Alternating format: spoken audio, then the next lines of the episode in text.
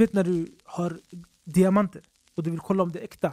Du tar det till en person, eh, en juvelerare heter det. Mm. Så han kollar och han säger nej den här är falsk. Mm. Du tänker i huvudet, hur kan den vara falsk? Han säger lyssna jag vet vad jag gör, den här är falsk. Exakt. Samma sak här. Mm. Han säger jag vet vad jag gör, den här är falsk. Den här är påhittad hadith, den här är svag hadith. Och Ibn förklarar det ännu mer. Han säger det är inte konstigt när en person har levt med haditherna så länge att det har blandats med hans blod och kött.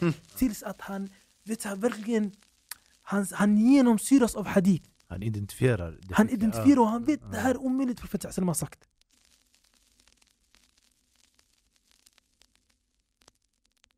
فبأي آلاء ربكما تكذبان؟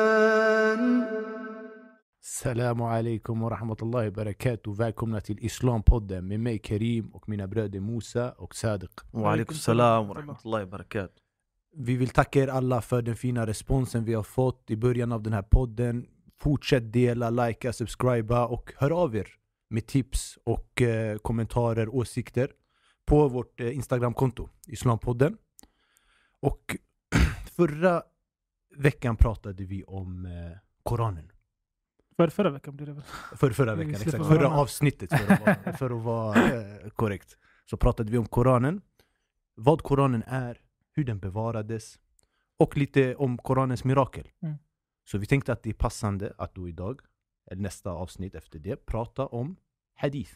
Och lite om vad hadith är, hur hadithen bevarades. mm. Så jag tänkte börja med att fråga, vad är hadith? Eh, Kan jag ta den? Ah, kör. Eh, en hadis, jag tror att många där ute har hört hadis, ordet Mm. hadis. Det här är hadiser från profeten sallallahu alaihi wasallam. Ibland så sprids det på sociala medier ett uttalande från profeten sallallahu alaihi wasallam så står det där längst ner hadis. Exakt. Jag tror att folk är bekanta med det här ordet. Vad hadiser egentligen är, som de lärda har nämnt, det är det som tillskrivs profeten wassalam i form av ord, saker han har sagt, eh, saker han har gjort, eh, saker som han har eh, godkänt i hans närvaro. Någon har gjort någonting, han har godkänt det. Och även saker som har med profeten wassalams eh, utseende att göra och karaktär. Exempelvis när det kommer till saker som profeten sallallahu wasallam har sagt. Det är hur mycket som helst, vi har hur många hadiser som helst och folk känner, känner till många hadiser också. Bland det exempelvis i Bukhari Muslim att profeten sallallahu alaihi wasallam har sagt att Allah kommer att underlätta i detta och nästa liv för den som hjälper andra med deras, att lösa deras problem. Mm. Det här är ett exempel på någonting som profeten wasallam har sagt. Någonting som profeten wasallam har gjort. Det finns flera, alltså, det går att nämna hur många hadiser och exempel som helst. Bland annat att profeten brukade be nattbönen eller att profeten sallallahu alaihi wasallam när han började bönen så tog han upp händerna till axlarna när han alltså, sa Allahu akbar. Eh, och det finns hur många exempel som helst. Eh, till exempel finns en annan också hadis i Bukhari Muslim om någonting som han har godkänt. Mm. Gett sitt medgivande till om man kan säga så. En gång så pratade sahaba, följeslagarna radiallahu anhum ajma'in, må Allah vara nöjd med dem alla. Mm. I moskén de pratade om jahiliya, alltså innan de blev muslimer, lite om deras gamla liv. De satt och diskuterade och pratade lite. Och subhanallah, profeten låg där bredvid dem eh, och lyssnade. Och lät dem berätta, vilket go- han godkände det. Annars skulle han, om det var någonting förbjudet eller någonting, han skulle ha sagt åt dem och stoppat dem. När jag läste den här hadisen, jag tänkte subhanallah, vad fint. Tänk dig att vara en sahabi där och prata om någon historia om dig själv. Och vem lyssnar på dig? Profet. Profeten sallallahu alaihi wasallam. Subhanallah, vilken, vilken, scen- vilket Mm. scenario.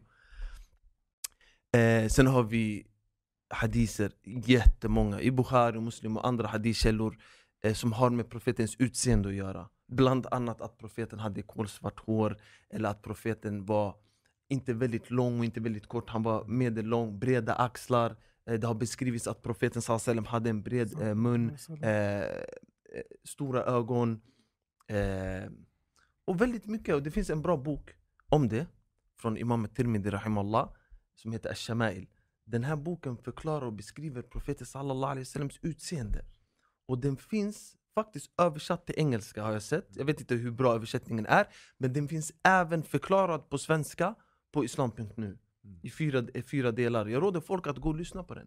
Så att folk lär sig om hur såg profeten sallam ut. För ibland, ibland när man berättar om profeten sallam eh, i en föreläsning eller på nätet, sånt, folk kan bli så här. man får inte säga så, man vet inte hur profeten såg ut. Mm. Ingen vet hur profeten såg ut. Men det är inte sant. Vi vet. Vi vet från autentiska hadiser Alltså hur profeten var, hur han gick, hur han stod, hur han log, hur han rörde sig, hur, hur han pratade, eh, sättet han pratade på. Jättemycket om profeten. Sallallahu alaihi wasallam. Eh, Hur han doftade. Allt vi har i hadis. Vad han tyckte om för mat. Ja, vad han tyckte om och inte tyckte om. Och det, här, det här finns beskrivet alhamdulillah, i hadiserna. Så det här har med typ hans utseende, sallallahu alaihi wasallam, Sallallahu alaihi wasallam. utseende att göra. Eller de hadisen som har med karaktär, exempelvis Allah. Profeten sallallahu alaihi wasallam, när han pratade med en person så brukade han vara riktad med hela sin kropp mot personen. Mm. Förstår du? Inte så här typ, jag pratar och han är bakom mig så jag vänder typ halvt mitt huvud, eller jag tittar inte ens på honom och Nej. diskuterar, nej.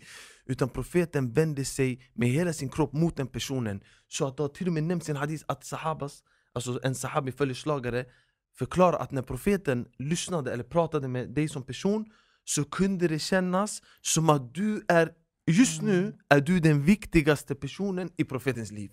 Han hörde dig, han såg dig, han gav dig din tid. Han avbröt inte folk när de pratade. Mm. Det finns till och med hadiser att de berättar eh, att när någon kom och viskade något till profeten, de vill berätta någonting i profetens öra, profeten gick inte bort. Alltså så här, typ okej har du pratat klart? Typ så här, okej det räcker.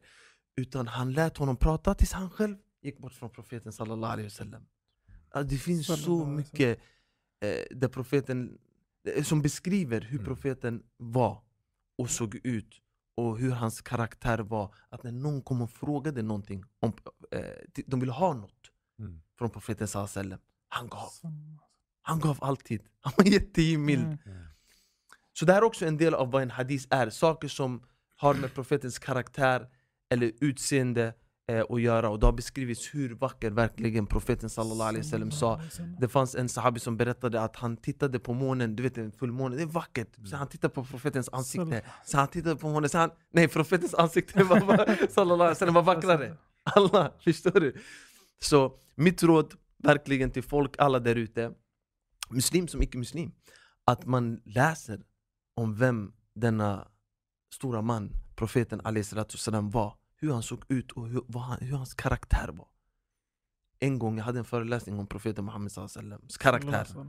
Så det var, fanns en person i publiken, i, bland åhörarna, som inte var muslim. Och sa sen till de andra, för jag hörde det mm. efteråt, att typ det låter inte ens sant att det har funnits en sån där människa som är på yes. det där sättet. Det, det är för bra. Mm. Allah. Som Allah? Som Allah säger Att, eh, eh, hur blir det? Du har en storslagen eller en väldig karaktär, verkligen. Allah själv har prisat profeten sallallahu oh, Allah sände honom som en vägvisare. Mm. med den bästa karaktären. Det är lite kort om eh, hur många lärda förklarar hadis. Mm. Sen finns det ju andra förklaringar också, vad, vad hadis och sunna kan vara. Precis, för att folk säger ibland eh, det här är sunna, eller Mm. du behöver inte göra det här för det är sunna. Mm. Så att, kortfattat, vad, vad, när man menar sunna, menar man hadith? Eller vad menar man när, när någon säger så? Ja, det går ju tillbaka till, eh, någon, till hadiserna. Mm. Det finns ju en förklaring att sunna, eller, eh, sunna är det som om du gör det du belönas och om, Mm. du, håller, du gör om du inte gör det och inte Mm. följer att du klandras för det. Mm. För vissa, de tänker så här. Vadå, jag Tyvärr. inte klandras? Vad menar du?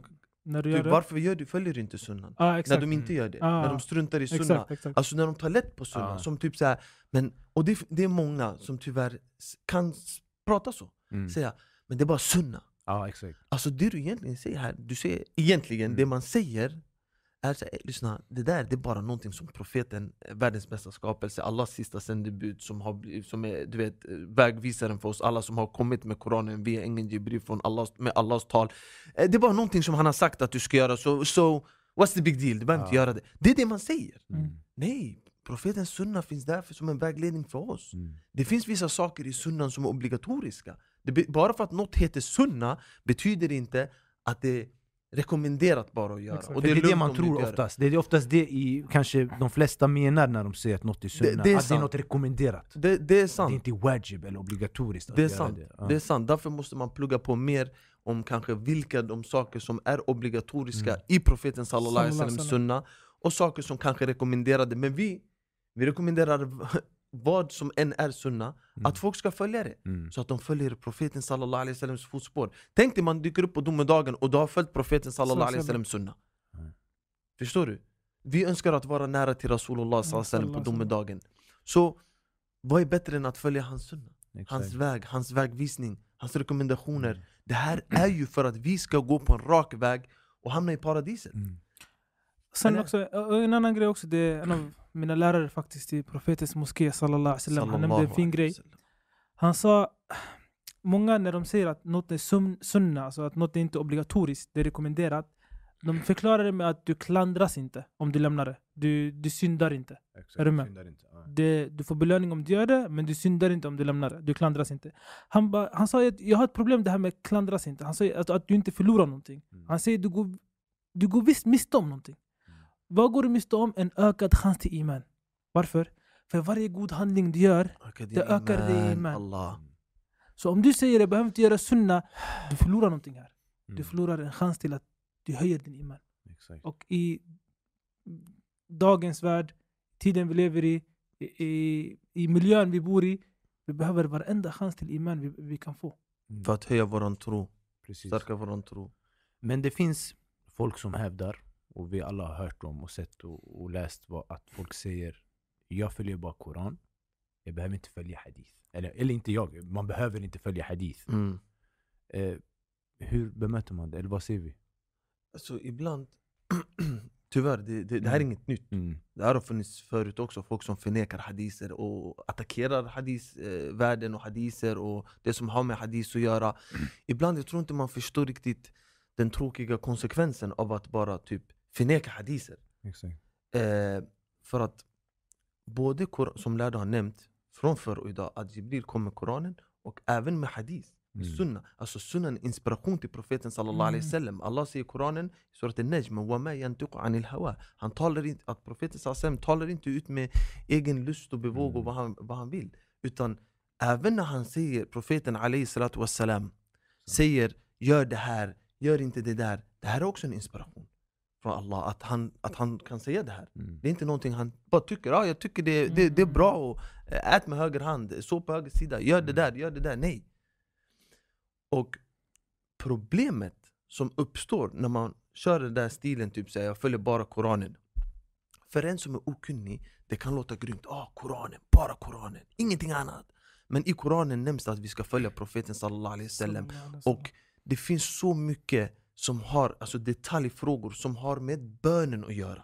Med hajj att göra, med zakat att göra, som inte nämns i Koranen. Sunnan har kommit som en förklarare av verser i Koranen och detaljer. Och jag tror vi, jag vet inte om vi nämnde det i förra avsnittet med tafsir. De, till, till exempel Inna atayna- Inna atainaka al-Kauthar. Vad är al-Kauthar? När Allah Mm. säger att han har gett profeten wasallam al-Kauthar. Det nämns i sunna. Och då nämns, eh, det finns rapporteringar från förr hur en person kom till en av imamerna från förr, Imran, han kom till Imran, Imran ibn Hussein och sa typ, "Ni- ni berättar bara det som finns i Koranen, ingenting annat. Mm. Men vad händer, hur, hur ska vi veta att salat al-Dhuhr är fyra rakat? Och Exakt. salat al-Asr är fyra rakat och Maghrib är tre rakat och Mm. att du läser högt i de två första? Mm. Förstår du? Det är mycket Och- som försvinner om man inte Och har eh, en... eh, hur, hur, hur du, eh, tawaf, Mm. reglerna kring tawaf och reglerna kring Safa och Marwa, hur många varv allt det här som man ska göra som finns i, reli- som finns i religionen. Det finns till och med saker som profeten Sallallahu har förbjudit. För någon kanske tänker okej, sunnan förklarar bara Koranen, den har inga egna domar och regler. Jo, det finns även egna domar och regler som inte nämns i Koranen, som profeten wasallam har sagt. Någonting som kan vara förbjudet. Det kan ha med vissa djur som man inte får äta, som inte Mm. nämns i Koranen, att, eh, att man inte får äta dem. Mm. Och andra regler. Och ett, ett enkelt exempel. Någon kanske undrar, kan du ge ett exempel på bönen? Mm. Och då står det inte i Koranen hur man ska be. Exempelvis i bönen, vi vet att man läser någonting som att, alltså, tashahud. Mm. Attahayatu lillahi wa salawatu wa tayyibat till slutet av det. Det här finns inte med i Koranen. Exempelvis. Mm. All- all- Allt han ska säga i bönen står ju inte. Mm. Så när man säger typ såhär, följ bara, följ bara Koran, följ inte Sunna och inshallah att vi kommer gå in djupare i det där för det är ett långt ämne och ett viktigt ämne och be- man behöver också avvisa och förklara de tvivel som sprids För Exakt. kanske kommer, ja ah, men det finns en hadith som säger si eller så Vi kommer förklara det biidnillah Men det är det tråkiga med att vad blir konsekvensen när man säger jag tar inte hadith, jag tar inte profeten sallallahu sunna Okej, hela siran då? Mm. Allt du läser om profeten och allt som du hör och allt det jag precis har berättat om Hur islam spreds och allt karaktär det och där. det är alltihop! Allt försvinner. Ah, Ja, vad, vart, vad hände med det? ah. Förstår ni? Så det blir omöjligt för den här personen att få den här kärleken till Rasulullah sallallahu alaihi wasallam som, som en som tror på haditherna har och en som följer profeten sallallahu alaihi wasallam sunna eh, och följer profeten sallallahu alaihi wasallams väg. Så mitt råd verkligen till alla där ute, för det sprids mycket Ja. tyvärr på nätet nu för tiden, alla Ja. kan prata på sociala medier och folk kan sprida sådana här grejer. Jag rekommenderar verkligen folk att lyssna på det här avsnittet inshallah och även läsa på mer om hadisvetenskap och vad hadiser är och hur de bevarades och inshallah kanske Sade kan gå igenom mycket djupare för han studerade också i Precis. Du, hadisfakulteten exakt, det var det. du har ju studerat hadithfakultet som vi nämnde i första avsnittet. Ah, Men uh, grejen är så här, de ämnena vi kommer ta upp idag, det var Sheikh Musa redan var inne på, det är ämnen vi har studerat i flera terminer. Mm. Så vi kommer försöka göra det lite mer, Sammanfatta på ja vi kommer avsnitt. sitta här en termin i alla fall. Ah. Eh, men när man kommer till det här med att förneka sunnan eller säga att sunnan, egentligen vad är det man säger? Säger man att, bara, att profeten sallallahu alaihi wasallam bara fick uppenbarelsen via Koran? Eller fick han något annat? För det finns verser i Koranen som refererar till saker och ting som har hänt i profeten sallallahu liv Exakt. som är en uppenbarelse. Jag ska ge ett exempel. Mm. När profeten sallallahu alaihi wasallam Sallallahu som vi vet i hans biografi, han bad inte mot Kaaba i första tiden. Den första tiden av sitt, sitt kall, de bad mot Sham, Mm. Levanten. De bad inte mot Kaaba. Mot Jerusalem va? Exakt, Ja. Bet al-Maqdis. Vart finns den här versen att profeten sallam skulle göra det? Vi har inte den i Koranen. Vi har bara att det har ändrats. Ja. Men den första befallningen att han ska be ens mot eh, Bet al-Maqdis, den finns inte. Mm. Förstår du? Mm. Så det måste ha varit uppenbarat på ett annat sätt. Precis. En annan eh, incident som hände det var att profeten sallallahu alaihi wasallam det skedde en händelse i hans liv där hans fruar eh, berättade någonting i alla fall. Mm. Och de hade berättat det till varandra. Men profeten sallallahu alaihi wasallam sa till dem ni har gjort det här och ni har gjort det ena och det andra och han förklarade. Nämns i suran. Men nabba'aka bihada? Qala nabba'ani al-alim al-khabir. Vem har berättat det här för dig? Hur visste du att vi har gjort det här? Planen, hur visste du att vi har gjort det här? Och hans profet svarar Nabba'ani al-alim al-khabir. Al- Den all, allvetande och al-khabir, al-khabir på svenska. Det blir sam- Samma, den allvetande har berättat det här för mig. Det finns ingen vers i Koranen som nämner att den här händelsen har hänt. Utan vi får bara veta det via versen att Allah har redan berättat. Mm. Själva berättelsen finns inte. Så att säga att ja, han, hade han hade bara Koranen som uppenbarelse, det blir fel. För vi, om du läser Koranen från A till Ö, från början till slut, du märker att det händer vissa grejer. Allah refererar till det. Exakt. Så det måste finnas en annan källa till uppenbarelse. Och grejen är så här, jag tror inte... Får jag, inflika bara? Det ah. finns ju en hadith i Abu Dawud. Ah. Att jag, eh, eh, jag, har, eh, jag har fått Koranen, mm. eller hur? Ah, och till och Jag har fått Koranen och någonting som liknar mm. den. Alltså sunnan. Men säg att en person han säger okej okay, det där är en hadith, jag, jag Men verserna vi pratade ah, om, exakt. det blir ändå en ah. grej. Men har inte också nämnts många verser i Koran om att man ska följa profeten sallam och det som profeten sallam kommer med? i surat al-Hajr. Att det profeten sallam kommer med, det ska ni ta emot och det han förbjuder ska ni lämna. Så det finns inte, nej men Koran inte Koran. Mm. Och grejen är så här. en person som förnekar sunna Antingen har han problem med att det är profeten sallam som har sagt en viss grej eller att han tror inte att det har bekräftats. Att profeten sallam har sagt. Jag har svårt att tro att en muslim, personligen, jag har svårt att tro att en muslim, om han skulle ställas inför profeten sallam och han, profeten sallam säger till honom du måste be fem gånger om dagen. På det här sättet som jag visar dig. Att han skulle fråga, men är det här Koran eller är det här bara din sunna? Mm. Det där jag tror inte på. Ja, det är viktigt att tänka Förstår på det du? sättet. Ja. Utan de flesta, jag tror problemet ligger för de flesta i att hur vet vi att profeten verkligen har sagt det här? Exakt. Och här, du, behöver, du kan inte bara ta en ställning, utan du behöver studier. Precis. Du måste studera hur uh, bevarade sunnan, för det första. Eh, hur de lärda har gått tillväga för att bevara sunnan. Uh, vilka lärda finns det? Vilka hadithböcker har vi? Hur gör de för att veta vad en autentisk, vi kommer komma in på det Exakt. senare, vad en autentisk hadith och vad en svag hadith. Men för att bara ta eh, snabbt första punkten, hur bevarandet av sunna eh, skedde till. Precis. För det sprids mycket Väldigt tvivel mycket. om det. och Ja, det- folk säger det ena och det andra, det skrevs ner långt efter. 200 år. Ja, 200 år 300 efter. Imam al-Bukhari var den ja. första som skrev ner. Ja, jag, jag har hört den där personen. Att Allah, Imam al-Bukhari var den första som skrev ner haditer och innan det, det fanns inte, det stämmer inte. Profetens haditer skrevs ner under hans livstid. Minns ni förra avsnittet vi sa att Koran skrevs ner under profeten Salems livstid? Mm. Samma sak med haditer. Mm. Inte alla haditer. Vi ska, vi ska inte så, hitta på att varenda hadith var nedtecknad. Men det skrevs ned vissa haditer. Mm. Grunden eh, hos araberna på den tiden det var att memorera. Exakt. Och ett, det kanske var för att de inte kunde läsa och skriva som vi sa innan. Det var inte vanligt bland dem. Så det blev ett substitut, det blev ett annat medel. Och som ni vet att när du inte kan göra en viss grej, din förmåga att göra det andra blir ju starkare. Exakt. När du inte kan se, Mm. exempelvis, din hörsel blir starkare. Precis. När du inte kan läsa och skriva, du måste börja förlita dig på minnet mycket Mm. mer. Vilket gör att du använder det oftare, vilket gör att det blir ännu starkare. Och det här, vi kan ju ändå dra paralleller till oss själva. Tänk, tänk er tiden innan smartphones. Vad gjorde Jag man? ville, jag ville säga det. Ah. Telefoner innan mobiltelefoner. Ah. memorerade Man allas memorerade nummer. allas du, nummer. Jag hade memorerat alla mina Idag jag kan typ Ja. två, min pappas och min, min frus. Ja. De, de jag kan utan till. Ja. Jag lovar. Ja, det är mycket. Ja, och, det är de exakt. och det är för att de har haft samma nummer i flera år också. Det är inte så att de har bytt nummer. Men utöver det, jag kan inte. Mm. Och om jag skulle vara utan telefon idag, jag skulle vara nästan handikappad. Ja. Förstår du? Adresser, telefonnummer, Ah. allt det här man hade ut. Man klarade sig utan telefoner. Förstår du? Så i alla fall, det visar ändå. Och sen tänk dig i, i en miljö där du inte har de här distra, distraktionsmomenten. Du vet, eh, det är öken, du vet. Mm. Som idag, jag ska vara ärlig, det finns platser idag i världen där de fortfarande håller på på det här sättet. Exempelvis Mauritanien. Ett tag innan må Allah yani, återställa Jemen så som det var med Jemen också. De, de går, åker ut i öknen, de lever väldigt simpelt och de memorerar. De Men när, memorerar när de allt. lämnar den där byn, brorsan, alltså han kan... Folk idag de memorerar Sahih Bukhari Muslim. Mm. Det, det finns en liten ungdom, har ni sett den där Youtube-klippet? Det finns flera jag har sett. Ja. Det finns en, han har memorerat Al-Kutub Ja, Sitta den har jag sett. Kutub och han är blind. Och efter, det finns ett annat klipp där han testar sin vän. Så du, du nu, han som testar sin vän, han, test, han är blind, Ja. men han testar sin kompis som har också memorerat Kutub Sitta. Ja. Så ingen ska komma och säga till mig nej det här är omöjligt. Exakt, för vi ser det nu. Vi ser det idag. Exakt. Och i den Vi- miljön, Vi hade ju vän, en gemensam vän från Norge i Medina som hade memorerat alltså, uppemot vad jag vet, 10 000 hadiser. ah, För att ni ser Kutub nu. vi kommer komma till Ja, det, vi förlåt. kommer komma. Ja. Men de sex hadithböckerna som är mest kända. Ja. Bland, Ja.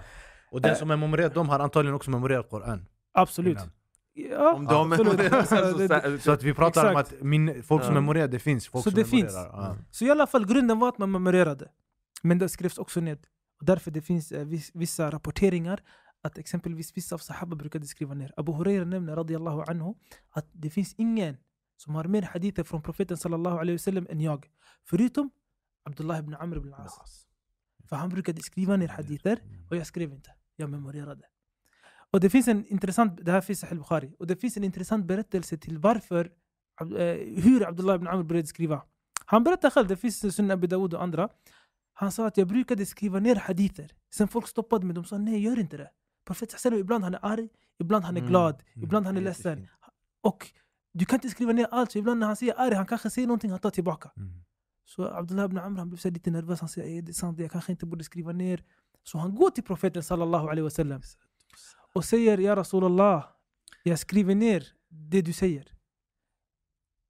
Är det okej? Han sa uktub. Han säger även när du är arg och glad, han bara uktub. والذي نفسي بيده ما يخرج منها إلا حق. Det enda som kommer ut från min mun är sanningen. Sanning. Och det är det som vi nämnde versen innan. وما ينطق عن الهوى. Han talar inte från eget bevåg. Mm. Så i alla fall, Abdullah ibn Amr skrev. Eh, det finns andra sahaba som också skrev. Du har eh, Sahifat Abu Bakr radiallahu anhu. Abu Bakr skrev ned det man är ålagd att betala i zakat. Och det är en väldigt lång hadith. Faktiskt vi fick memorera den i Kulet al-Hadith i den boken. Vi har en hadithbok. Ja, Det var en av de den var lång och du, ska, du, du sitter och memorerar om olika kameler och deras åldrar och när du ska betala zakat. Och, och du vet, så här, det, det var väldigt detaljerad kunskap. Det där fanns också i Sahifat Ali ibn Abi Talib, just om Ja, kamelerna och kamelerna, och zakat. men det var för en annan grej där. Men det var kamelerna och det ena och det andra. Och han skrev också, vet du vad han skrev i sin sahifa? Gränserna för Me- Medina, där det Mm. slutar vara heligt. För en viss område inom Medina, det är haram, det är heligt. Du får inte göra vissa grejer. Du får inte hugga ner träd, du får inte göra olika grejer. Och de här haditherna finns i Sahih Muslim. Mm. Ehm, Så han skrev ner det där. Al-Medina haramun ma baina Eirin wa Thawr. Att Hari- Mm. Medina är heligt från eh, Eir till Thawr. Det är två olika Mm. platser i Medina. Två berg. Eh, så Ali radiallahu anhu skrev också. Så sahaba skrev ner. Det var inte kanske jättemycket men de skrev ner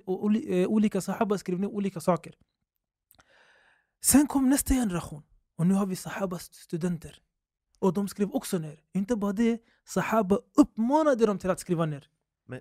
Eh, kolla, eh, Sadek, det är sant de skrev ner eh, Men det kanske kommer någon och säger så här men Det finns ju hadiser där profeten sallallahu alaihi wasallam säger att de inte ska skriva ner Hur kommer det sig att vi har Abu Bakr, vi har Ali radiallahu an, vi har andra sahaba som skrev ner Samtidigt som de här andra hadiserna finns att man inte skulle skriva ner Jättebra. alltså, Ja, i- anledningen- det, det finns ju hadiser att profeten ville inte att man skulle skriva ner annat än Koranen, Mm, stryk bort det mm. och liknande som sådana som förnekar hadis Det roliga är att de som förnekar hadis Använder sig Använder sig av hadith. exakt. Bara- Nej, det är sant. Ja men hur svarar man på det? Jättebra fråga. Och egentligen, det finns inte, bara för att påpeka, det finns inte hadither. Det finns en hadith Okej. som, som är autentisk. Vi pratar autentisk. Ja.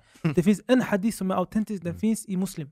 Och där är att Abu Sa'id al-Khudri radiyallahu anhu berättar att profeten sallallahu alaihi wasallam har sagt La taktubu anni siwa al-Qur'an. Skriv inte ner något förutom Koranen. Mm. Och man kataba anni ghayr al-Qur'an falyamhuh. Den som har skrivit ner något annat än Koranen ska stryka bort det. Men det här vi behöver en viss förståelse i religionen. För det är lätt att, det man kallar cherry pick, att man Mm. bara tar det som passar en. Mm. Det är lätt att göra den här cherry pick. Men när det kommer till religionen, du behöver ett. De lärde har förklarat oss hur vi ska göra när vi ska förstå hadithen i ljuset av varandra. Mm. Jag ge ett ex- nu exempelvis på den här, den här frågan. Profeten sallam säger La taktubu anni siwa al-Quran. Och i den andra hadithen han låter Abdullah ibn Amr, äh, Amr ibn al-As skriva ner. Och han vet att andra sahaba skriver ner. Så det måste finnas en förklaring, en logisk Mm, förklaring till varför han förbjuder och tillåter. Och de lärde har förklarat det. De säger att ett, det här var i början av islam. Och senare, han lät. Det är en förklaring. Mm. En annan förklaring är att profeten sallam menar att skriv inte ner Koranen i samma ark, i samma pergament som de använder, eller ark eller vad de nu Mm. använder, som sunnan, som haditherna. Separera dem. Så att Så att, så att ingen blandar ihop Mm. dem. Exakt. Så det de två svaren, och det finns fler svar. Jag vill inte göra hela Mm. avsnittet om olika svar, men Ja. det, det finns i alla fall svar på det. För att summera det, de ett, vi ser ju hur sahaba har handskats med de här haditherna. Mm. De såg inte profeten sallallahu hadith av Abu Sa'id al-Khudri radiyallahu anhu Mm. att man inte ska skriva ner hadith. De såg inte det som ett absolut förbud. Det vill säga skriv inte ner alls. Om de hade förstått det så, då hade de inte skrivit ner. Precis. Och profeten hade inte tillåtit Abdullah ibn Amr ibn al-As att skriva ner. Mm. Så då måste det finnas en logisk förklaring som jag sa innan. Och de lärda är överens om att det är tillåtet att skriva ner hadith. Mm. Och det här har nämnts av flertalet lärda, bland annat ijma, ijma, konsensus. konsensus. De är överens. Ingen lärd har någonsin sagt att det är förbjudet att Mm. skriva ner hadith baserat på Abu Sa'id al- al-Khudris hadith. Ja. Och det här nämns av Ibn Salah, eh, en av de mest kända imamerna inom hadith. Och An-Nawawi som är väldigt känd, författaren till boken Riyad al-Salihin som vi kommer ta upp lite kanske senare. Och andra lärda. De har nämnt det som, ett, eh, som en konsensus att ingen lärd har någonsin sagt att det är förbjudet. Men s- sa inte också profeten sallallahu alaihi wasallam Alltså. själv i en hadith, eh, skriv till Abu Shah Aywa, det finns den andra hadithen också att profeten sallam säger till Abi, äh, profeten sallam när han intar Mecka, han har en väldigt fin predikan. Och en man från Jemen frågar, säger kan någon skriva ner den här hadithen till mig? Eller den här, det profeten sallam talet. sa. Mm. Och då sa profeten sallam så, Uktubu li Abi Shah, mannen heter Abi Shah. Det här också finns i Sahih Muslim. Mm. Och sen sahaba som vi sa innan, de skrev ner. Det var inget tydligt hinder att de inte skulle skriva ner, annars hade de inte gjort det. Och de förstår profeten sallam bättre än oss, egentligen. Det är framför dem profeten sallam säger att göra det här och inte göra det här. De förstår kontexten, de förstår miljön, situationen. Så deras förståelse, och det här är viktigt, i sådana här frågor, deras förståelse går före våran. Mm. Vi måste förstå haditherna och koranversen också i ljuset av sahabas förståelse. Va- Varför går deras för? Kanske någon undrar och bara, Ja. varför jag är också intellekt och jag är också smart och Ja. jag har också pluggat idag 2021 Mm. Ett, för det första, Allah Azza wa Jalla har prisat dem. Nummer ett. لقد رضي الله عن المؤمنين إذ يبايعونك تحت الشجرة. Att Allah har blivit nöjd med de troende som lovade trohetsed under trädet. Där finns surat al-Fath. Mm. I en annan vers, vers säger Allah vad? رضي الله عنهم ورضوا عنه. Allah är nöjd med dem och de är nöjd med honom.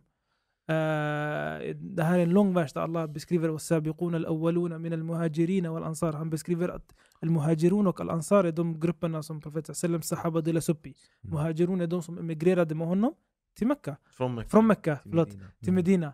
Och Al- Al-Ansar är de som tog emot dem på Medina. Allah är Mm. nöjd med dem. Allah, det är en grej. Är det inte... Men ja. ja, det är En en, punkt. förklaring, en punkt. En annan, deras nivå av arabiska är tio gånger bättre än våran. Mm. Deras nivå av arabiska, kolla. Om vi hittar ett, en, en fras eller någonting, det där, deras arabiska är ett bevis i sig. Om vi hittar någonting i sahabas uttalanden, Mm. då vet vi att arabiskt sett, man får yttra sig sådär. Varför? För de är beviset. Mm. De hade den Att bästa de så, arabiska. ja. Att de sa så, det räcker som bevis. Om jag säger någonting, du måste gå och kolla ordböckerna. Är du med? Ja, kan man, deras- kan man säga sådär? Förstår du? kan man säga sådär? Om de har sagt det och det är autentiskt bekräftat, då är det ett bevis. Och deras förståelse av arabiskan är också på samma nivå. Mm. Så det är också en annan grej. Nummer tre, de var där när Koranen kom ner. Mm. De var där när profeten som sa vissa grejer. De var, vissa av, som, som förra avsnittet vi sa, vissa av verserna handlade om vissa sahaba. Mm. Vissa av haditherna handlade om vissa sahaba. Ska du komma då och förklara och förstå hadithen och versen bättre än personen det handlar om? De hade hela kontexten. De hade hela kontexten. Mm. Du idag för att förstå en viss vers, du behöver vissa verktyg. Mm. Du behöver kanske kunskap om hadithen. Sen måste du kolla, är hadithen som vi kommer komma till, är den autentisk? Sen måste du ha arabiska språket för att förstå hadithen. Och sen måste du ha ett ämne som heter usul al-fiqh, principer inom fiqh, för att förstå och kunna dra ut domar och regler från den här hadithen. Så du, har, du behöver versa... Därför Ibn Qayyim han säger att de, de hade en klar väg. Mm. Du, du har tröttat ut dig själv, din hjärna med alla de här sakerna för att komma dit. Han, han är där före dig, ljusår, Ja. och han är, hjärna är pigg. Han behöver bara förstå att profeten sagt så, vad det betyder, han kan redan, och dra ut domen. Men är det inte så också bröder att när folk generellt har bestämt sig för att tycka en sak, du kan hitta ett bevis som passar och ignorera massa andra bevis och bara ta det där. Mm. Och, och jag, nej det här, det finns en sån hadith och nu ska jag förstå det så. Men alla andra kontexter och alla andra, det, strunta i det. En av mina lärare beskriver det beteendet, han brukar säga? Han Mm. säger att det är att man tittar på religionen med ett öga. Mm. Du tittar på religionen med ett öga, du tar det som passar dig och du blundar för det andra. För det de har gjort här, det är jag, jag, jag accepterar bara Koran, Mm. så jag tar en hadith. Ah, bevisa det är lite så. Alltså, det blir väldigt motsägelsefullt om man är uppriktig och ärlig och typ så här, verkligen vill veta och förstå vad ska jag göra. För att någon kanske har blivit förvirrad av De kan ju förvirra Mm. andra som är uppriktiga. eh, många blir förvirrade, det är därför vi tar upp det här ämnet. Och därför exempelvis som hadithen vi nämnde, om en person som är uppriktig, ärlig säger jag tror inte på hadith. Mm. Då han ska inte ens nämna den hadithen till mig, för han tror inte på den Precis, egentligen. Låt oss gå till Koranen. Vad säger Koranen? Det som Allah uppenbarat för uh, det, det som Allah det som profeten har gett er, ta emot det. Och det som han förbjudit, håll det er borta. Det finns ingen distinktion men, mellan... Men hur ser vi på till exempel under Sahabas tid, innan du jag hörde du ville gå vidare till nästa epok, men jag tänker under Sahabas tid, om vi stannar en sekund där. Vi kan hitta ibland hadiser att Sahaba inte ville berätta hadiser. Många sådana, eh, du vet, han, ett år kunde gå, han berättade inte en hadis, de var rädda. Va, va, vad gjorde, varför var de rädda att berätta hadis? Jättebra. Och egentligen, det finns en skön berättelse som de brukar använda. Jag kan nämna den nu bara för att Mm. ha, ha nämnt det. Så att det inte ser ut som vi försöker undvika vissa frågor. Eh, det finns en känd berättelse av Umar ibn Khattab radiallahu anhu Abu Musa al-Ash'ari. Och det är att Abu Musa går hem till Umar och knackar på tre gånger. Och sunna, det som profeten har sagt, att man ska knacka tre gånger och sen vända om inte någon öppnar dörren för dig. Det finns en hadith på det. Så han knackar tre gånger, sen han vänder. Och Umar kommer ut, han säger vad tyckte du? Jag väntade på dig igår. Och Abu Musa säger men jag kom, jag knackade tre gånger, sen jag vände. Och han sa ah, men du borde väntat, jag eh, höll på med en grej, jag skulle öppna. Och då han nämner hadithen, jag har lärt mig så här av profeten sallam. Och då Umar säger antingen du hämtar någon som vittnar med dig, eller jag kommer bestraffa dig på något sätt. Mm. Sanktioner, jag vet inte. Så i alla fall... Det var allvar, han Det var allvar. Profeten sallallahu alaihi wasallam Ja. sagt det här. Det, det är inte, de såg det på fullaste allvar. Så Abu Musa blir stressad, han, säger, han går. Han går till Ansar, han säger "Ey, har har någon hört den här hadithen också? Varför? För Umar han säger till mig "Han- jag kommer råka, råka illa ut om inte jag hämtar någon som vet det, eh, nämner hadithen. Så de hämtar eh, en av sahab. Han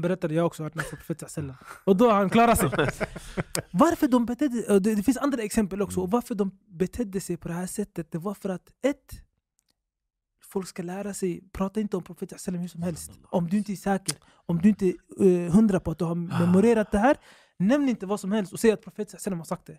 Och det här stänger också dörren till folk som kanske vill hitta på i religionen. Det finns en viss, ey, om- jag råkar nämna någonting som folk inte känner igen, Det kan bli konsekvenser. det kan bli konsekvenser. Och det är ett sätt Allah har bevarat vår religion. Mm.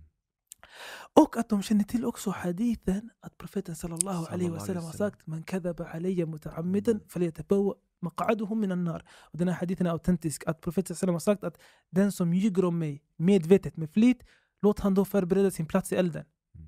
Sahaba, när de hörde den här, och den här hadithen, den är det som kallas mutawatir. Det vill säga att flera av sahaba har hört den och flera sahaba har rapporterat den vidare. Och flera av deras elever till slut att den blev något som kallas mutawatir, att det är omöjligt att det här är en lögn. Mm. Som Det det nämns i från olika håll. Olika håll. Ja. De lärda säger att det här betyder de, det är en spekulation självklart, men det tyder på att profeten sallam har upprepat den här hadithen vid olika tillfällen. Precis.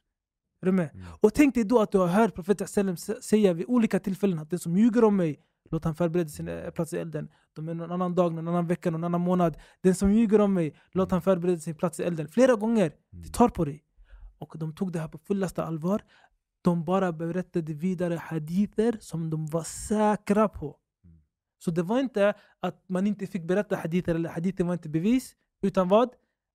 Det här är allvarligt, det här är Mm. religion. Låt mig ta det här på fullaste Se allvar. till att det är sant. Se till att det är Det är som idag, varje år, jag lovar i sociala medier, det dyker upp hadither i Twitter Ah. och Snapchat. Falska, alltså, Ja. det är inte svaga hadither bara. Nu vi pratar om påhittade Påhittade. hadither. Och sen står det så här.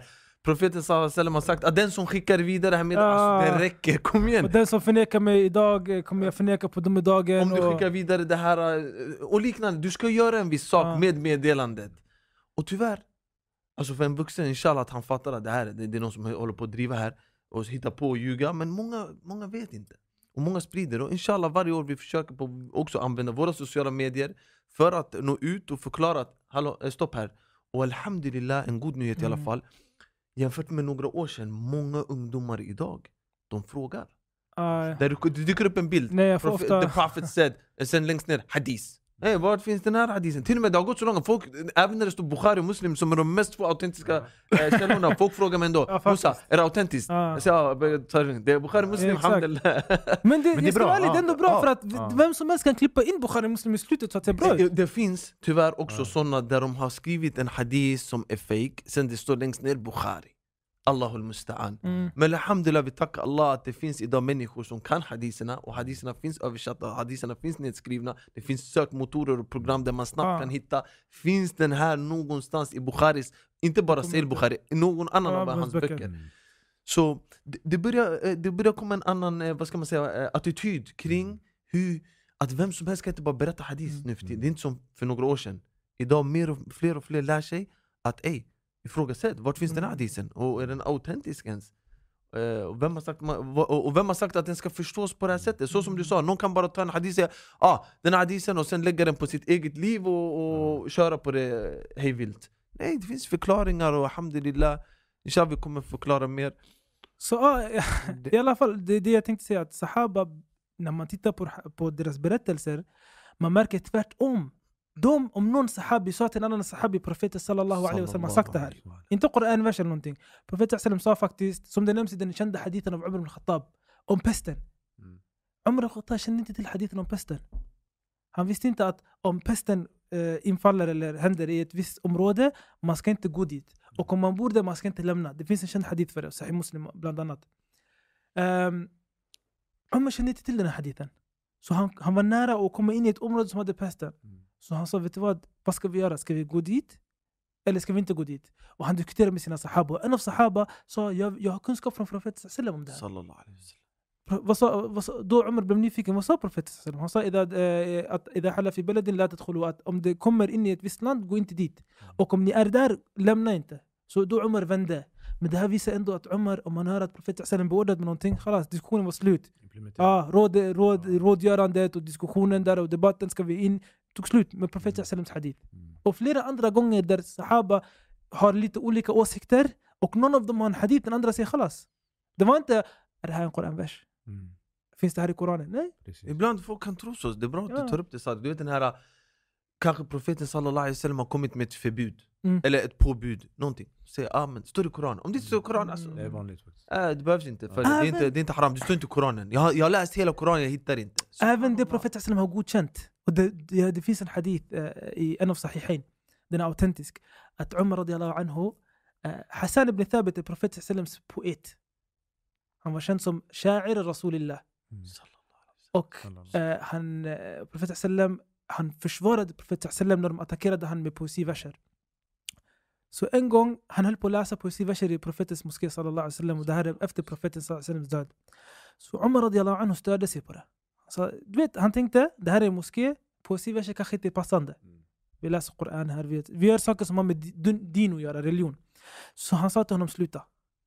Och då Hassan ibn Thabit, han använde sig av något som profeten sallam inte sagt, inte gjort men godkänt. Allah. Han sa, han tittade på Abu Huraira han sa kuntu anshudu fiha wa fiha man huwa khairun mink. Jag brukade recitera poesiverser när det fanns någon som är bättre än dig i den här moskén. Och sen han vände sig till han sa att jag frågade vid Allah.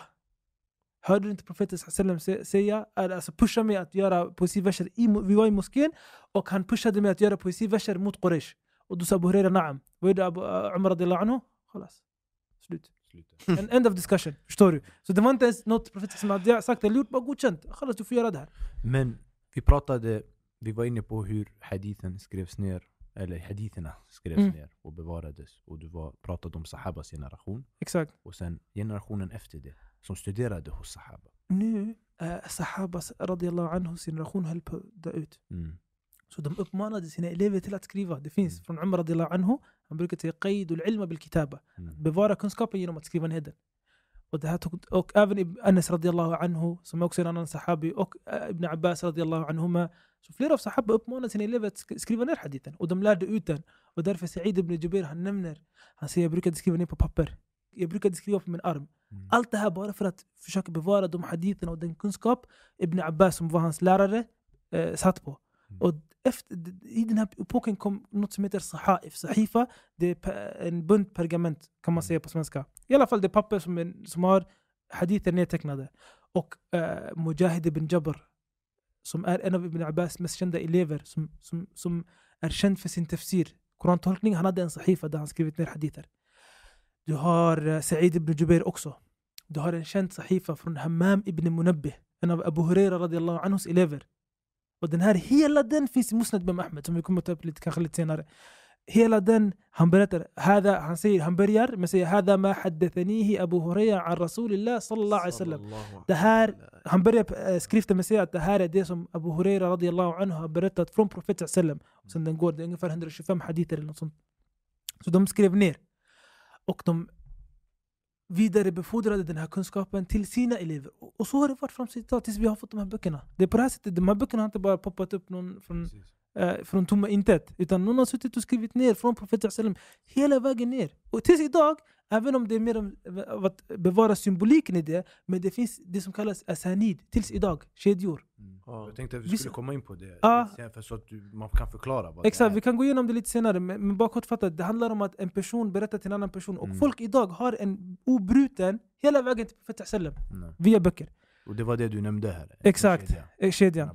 Eh, sen epoken efter det, och det är egentligen här man brukar säga att eh, det här är Sahaba och de här Sahabas elever är första århundradet. Andra århundradet då har vissa av sah- eh, Sahabas yngre elever. Och vissa av dem som han inte träffat Sahaba. Mm. Bland annat Zuhri, rahimahullah. Han dog ungefär 125 år. Du har Imam Malik, du har Imam Shafi'i i den här tidsepoken. Mm. Och de här stora lärda, Imam Sufyan al-Thawri, stora lärda som eh, började skriva verk. Och det här är skillnaden med den här tidsåldern. Nu man skriver inte längre hadither som är osorterade, eh, du har bara en person mellan dig och profeten. Nej, nu är det två eller tre, kanske ibland fyra personer som är mellan dig och profeten sallallahu alaihi wasallam. Men nu börjar man skriva verk. Mm. Och de lärda är lite osäkra. Vem är den första som skrev? Förstår du? Eh, vissa nämner Imam Malik. Nämner Hushaym ibn Bashir al-Wasiti. Vissa nämner uh, Ma'mar ibn Rashid al-Azdi. Olika personer, men det här är stora imamer. Och varför man är osäker, det är för att de levde ungefär i samma tidsålder. Och alla dök upp med en bok. Så man kan inte med noggrant säga att den här imamen var först eller den här imamen var först. Eh, och bland dem, vi har ju faktiskt hans bok här. Jag, såg nu, jag tänkte Imam Maliks bok här, Jo, vi har den här. Det här är Imam Maliks bok, Al-Muwatta. Mm. Och Visar Al-Muwatta, den Ja, till- kameran? så. Aha. Imam Maliks Muwatta är en av de kändaste böckerna vi har idag. bara, jag tror att den finns översatt på engelska också. Jag tror jag har sett Imam Maliks Muwatta. Hur bra översättningen är, jag, jag vet inte. inte det. Men eh, jag tror jag har sett Imam Maliks. Jo. Det fina med Malik, Maliks Muwatta, Imam Malik dog ganska tidigt. Han dog år Allah 179 Och han var i Medina. och han var i Medina. Och det som särskilde honom var att han stannade i Medina, men han har en av de mest autentiska återberättningarna av hadith. Varför?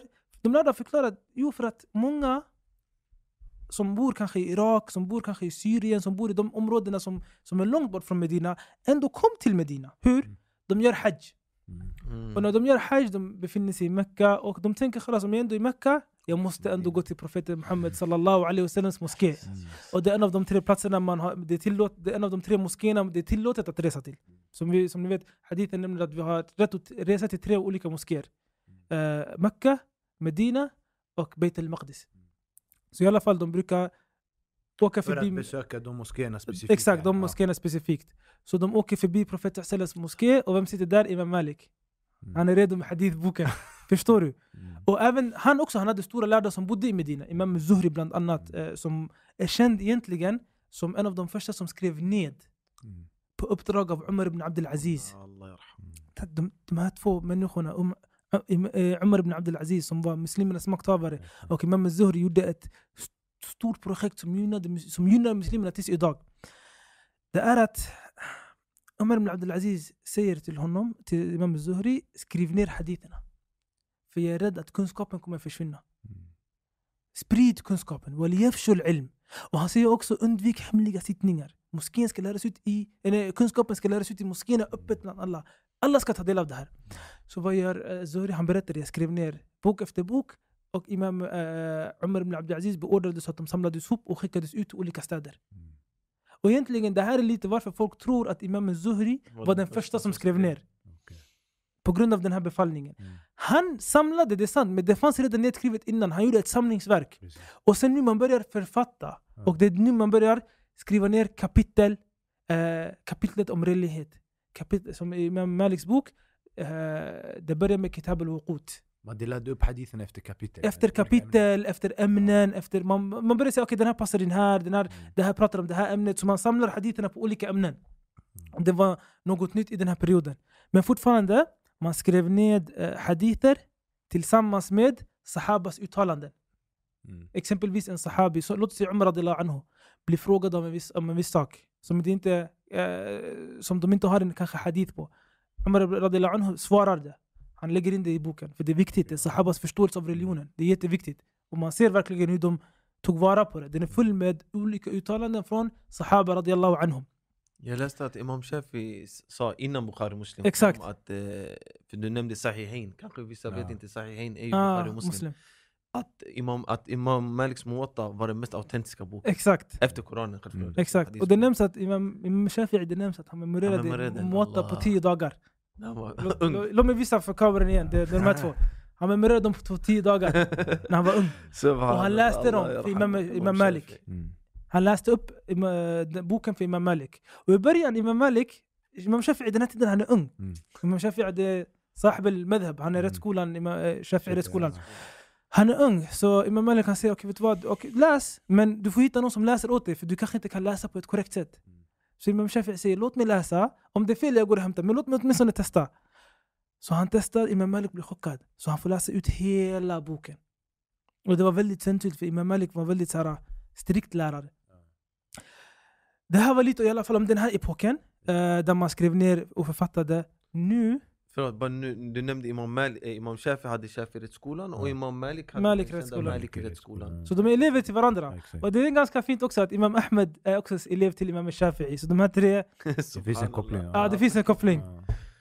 Eh, så i alla fall, nu kommer vi in på det tredje århundradet och det här man ser att hadithvetenskapen blomstrade. Det här det tog väl stor fart. Nu eh, man utökar resorna. Innan man reste för hadith, Mm. det är det som kallas al-rihla fi talab al-hadith. Att resa för att söka kunskapen om hadith. Man reste till Irak. För att, varför? För att vissa av sahaba valde, att bo, valde att bosätta sig i Irak. Mm. Så de har hadither som kanske sahaba i Medina inte har. Så man reser till dem för att se okay, vilka hadither har ni berättat. Mm. Vissa av sahaba, uh, profeten Salams följeslagare, de bosatte sig i Egypten. Vissa bosatte sig i Syrien. Så nu man börjar samla. Eh, det här hände lite innan den här epoken, men nu det blev en, eh, en trenden så att säga. Mm. För varje sahabi har startat typ en skola. Så du har skolan i Mecka där Ibn Abbas, hans Mm. elever besitter hadither från Ibn Abbas från Profeten sallam. Mm. Du vill gå dit och ta del av hans elevers hadither. Du har Medina, samma sak. Du har Egypten, samma sak. Du har, Mm. du vet, så man, reser runt. Så i alla fall, ehm, det här var en grej, en rihla fi talab al-hadith, att resa för att söka kunskapen om hadith. En annan grej var att man började eh, branch out, så att säga, så här, förgrena sig i olika verk. Vissa imamer skrev hadithböcker baserat på sahabi. Och Det här är det som kallas musnad. Som Imam Ahmeds musnad,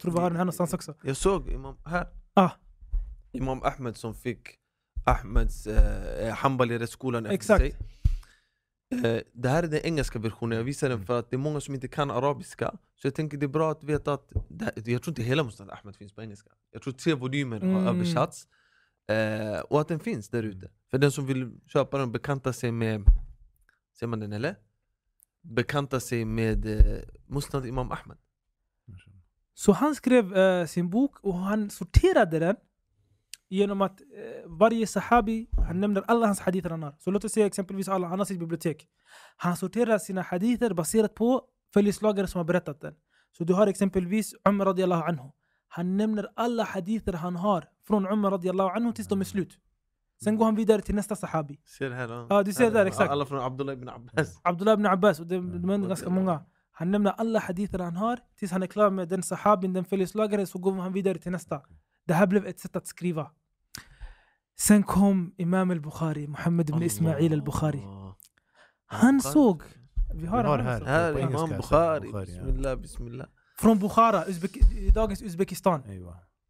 är Och många, många av de här hadith som samlade Ah, var från den exakt. delen av världen, eller hur? Ja, Uzbekistan, Ah. vissa var från Persien, vissa, Precis. olika ställen. Precis. Den finns också översatt till engelska Mm. Vilket är bra, de, Mm. vi råder ju folk att lära sig Ja, arabiska köp- och exakt. kunna läsa förklaringar och allt Men den finns på engelska, alhamdulillah Mm. Säger Bukhari Han såg ett... Eh, han såg att hadithböckerna, man skrev autentiska hadither tillsammans med svaga hadither. Mm. Och man, man nämner, som jag kommer komma till, berättarkedjan, det vill säga vart han har fått hadithen ifrån. Mm. Så han tyckte det var problematiskt. Han vill ha en bok där han skriver för muslimerna. Och då ska det bara vara autentiska hadither. Mm. Och han kände det i sig själv. Och sen han hörde en av sina lärare som hette Ishaq ibn Rahoya. Och Ishaq ibn Rahoya, han, när man läser om hans biografi, det nämns att han var Imam Ahmeds jämlike. Det vill säga de var jämlika i kunskap, i Det var status. stora namn på Stora riktigt, namn. wallah. Så han sitter hos Ishaq ibn Rahoya och Ishaq ibn Rahoya säger لو أن أحدكم جمع كتابا صحيحا typ sådär. Att, eh, om- om det bara vore så att en av er kunde samla en bok med bara autentiska hadither. Ah, han hörde, sin Han lärare hörde- säger så. Han Ah, hörde det. ah. Det fastnade hos honom. Så han började författa den här boken som muslimer tills idag läser. Senast nu, i några år sedan, en av de lärda, idag säkert de går igenom flera lärda, men nu, nu tror kanske ett, ett, innan corona, Mm. en av de lärda blev klar med Sahih Bukhari efter att ha undervisat den i flera år i Medina. Det. Eh, Sheikh Sadek, jag tänkte höra med dig om Bukhari Ja. jag, jag lärde mig att det finns någonting viktigt just med rubrikerna i El-Bukhari Någonting Mm. fantastiskt att känna till Ja, det är en bra fråga. Bukh- Imam Bukhari, hans bok, eh, som de lärda säger, det är också en fiqh-bok. Och fiqh, det är domarregler. Mm. Hur? Han vill nämna en fiqh-fråga, en fråga som har med fiqh att göra, så han nämner i rubriken. Sen han nämner en hadith efter det, som handlar om det han har precis nämnt i rubriken. Och då förstår du, ah, han försöker säga det här. Ibland är det tydligt, men ibland det blir otydligt. Och det är då man märker att Imam al-Bukhari var ett geni. Hans genidrag finns i hans rubriker. Och därför lärda ibland, de förstår inte vad menar han här. Så de säger, och en av de största lärda som har förklarat Imam al-Bukharis eh, bok, eh, Ibn Hajar, som levde mycket senare. Han har skrivit en bok som heter Fath al-Bari. في شرح صحيح البخاري Mm. Fath al-Bari i förklaring av Sahih al-Bukhari. Han kan spendera väldigt lång tid bara för att diskutera rubriken han pratar om här. Och säga vad de olika lärda har sagt. Och va- varför Bukhari kom fram till den slutsatsen, eller från den hadisen Nej, från rubriken, vad försöker han säga här? Ja, ah, det är det jag menar. Han, Ja, exakt. vad- hur kom han fram till det här eh, i självaste Imam Exakt, Bukhari? ibland det kan vara så att hadithen han nämner, det är det som är egentligen genidraget. Mm. Hadithen han nämner, till synes, det har ingenting med rubriken att göra. Och då du måste sätta igång hjärnan, vad menar han här? Det Okej. Kommer, det sen det är ingen förklaring efter. Det är ing- nej nej, Ah. han ska, han vänta tills du ska Ah. förstå det här. Du ska, Ska förstå du det? ska förstå det bara. Nej. Det är därför Men- det är viktigt Ja. med, med förklaring. Ja, det är därför det är viktigt vi- med Vi förklaring. säger det också till folk, jag, alltid när jag pratar om hadith och sånt, de säger Vissa har sagt det, "Eh, bror, eh, jag läste Sahih Bukhari men det var svårt. Mm. ah, Sahih Bukhari egentligen bör gås igenom, förklaras. Med lärare. Med lärare som tar ut eh, fawaid, yani, Mm. eh, nyttor från hadiserna, förklarar domar från hadiser. Och därför, vi ser hela tiden som en morot, och så jag tror Ah, ah, också, det här med arabiska Mm. språket. För då kan man läsa Fathul Bari Mm. exempelvis, som är en, om inte de bästa, en av de bästa förklaringarna på just Mm. Bukhari.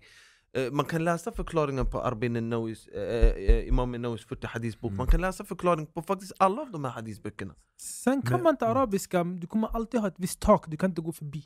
Ja. Ingen kommer översätta Fath al-Bari till dig, den är på 17 volymer, den jag har hemma. Mm. Ingen kommer gå och översätta den. Och även om man översätter den, antingen blir den dålig, eller du kommer inte förstå vissa saker för du behöver arabiska verktyg. Du behöver eh, arabiska språket som ett verktyg till att förstå vissa saker. Det finns vissa språkliga frågor som tas upp där. Mm. Om du inte kan arabiska och någon översätter det till engelska, du kommer inte fatta. Ja. Det blir bara Ja. eh, luddigt.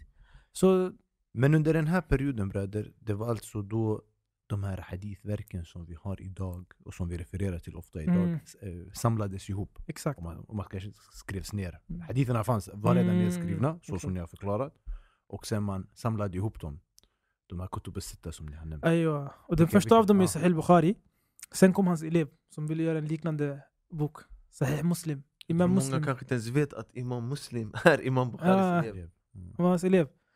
Och han egentligen, han har ett ganska fint förord där han förklarar varför han eh, skrev boken. Mm. Och då han går igenom också olika orsaker. Bland annat orsaken var att en av hans elever bad honom att skriva en bok som bara med autentiska hadither. Mm. Och bara stanna här. Tänk dig eleven som inte... Alltså vi, vi- vet inte med säkerhet hans namn. Vissa lärda har nämnt att hans namn heter någonting Ibn Salama. Men noggrannhet om det var han.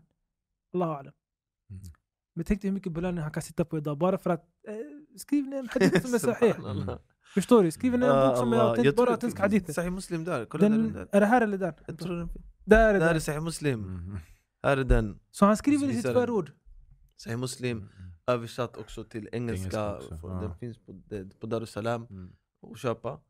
Jag råder folk har den, Tänk, alhamdulillah ändå att det finns på engelska översatt och Man kan ha i bokhyllan, man kan kolla Ja. upp saker Ja. själv när man får de här haditherna Aha, och sånt. Du kan kolla, finns den, i, finns den i Sahih Muslim eller Det är sant. Bukhari? Så i alla fall han skriver i förordet varför han skrev och bland, en annan orsak var att han hade sett att många sprider bara hadither som vi har idag. Mm. Falska hadither, påhittade Mm. hadither. Så han ville skriva en som alla muslimer kan läsa och verkligen se det här är autentisk hadith. Och de här två böckerna, kan jag få den andra också? Vilken var det? Sahih Bukhari? Det är Sahih Bukhari. De här två böckerna, det är de som kallas för As-Sahihain. Eh, det, är bort- från de här engelska. Aha, den här bra- dubbla. Nej, men, ah. Den här har dubbla, den lurade mig, jag trodde det var samma. Nej men grejen det är bra att veta så att inte få, det här är volym 1 bara. Ja, exakt. så att du får gå, är det hela Sahih Bukhari, jag läste Ja. det imorgon du vet. Nej, den är fler Volym volymer ett. på Hur engelska. många volymer är den på engelska? Vet ni? kan röra sig runt 6-7 volymer alltså. Alla är bra här eller? De här två böckerna är det som kallas As-Sahihain. Mm. Och de lärda säger att det är de två mest autentiska böckerna på jordens yta efter Al-Quran. Mm. Så de här två böckerna, om ni hittar en hadith som finns i en av de här böckerna, ni kan vara lugna. Ni kan sitta lugna i båten som det Mm. heter. De är autentiska. Varför? För de lärda har sagt att de är autentiska. De är överens om det. Mm. Förstår du? De Så det- andra från Kutub? Eh, de andra från Kutub vi har eh, Sunan Abi Dawud. Vart är den? Här är Där, Sunan där, Abi där. Är den på- vi visar den också. Det, Ah, nej, jag finns, ser så översatt till engelska, alhamdulillah. Ah, här är resten va? Det här är ganska nytt, fanns inte när jag var ung. Ja, Kunde det var- sitta på, på, på engelska. Så vi har de här Mm. fyra som kallas Ar-Sunan al-Arba, de fyra Sunan-böckerna Mm. egentligen. Och det kallas, du har Sunan Abi Dawud, som är skriven av Imam Abi Dawud och han är elev till Imam Ahmed. Mm. Du har uh, Tirmidhi, som är också en av Imam al-Bukharis elever. Allah. Och därför i boken, den här är väldigt speciell. Ett, för att han nämner, när han nämner hadithen, han nämner de lärdas åsikter också. Okej. Förstår du? Och han nämner också många gånger, jag frågade Muhammed om den här hadithen. Mm. Vem är Muhammed? Vem är Muhammed? Och det här är också det här är varför man måste ha lärare som Mm. förklarar vissa grejer till dig. Ibland du kan inte bara sitta och öppna en bok och tro att du ska förstå allt. Ibland det finns olika eh, vad heter det, lösenord till böckerna. Han säger sa'altu Muhammeden, jag frågade Muhammed om den här hadithen och han sa den är autentisk eller den är svag och så. Mm. Men Muhammed, han menar Imam al-Bukhari. För Imam al-Bukhari heter Muhammad ibn Ismail al-Bukhari. Förstår ni? Nu har jag förstört hela bordet här. Men eh, han är också, den är också väldigt speciell. Imam Abu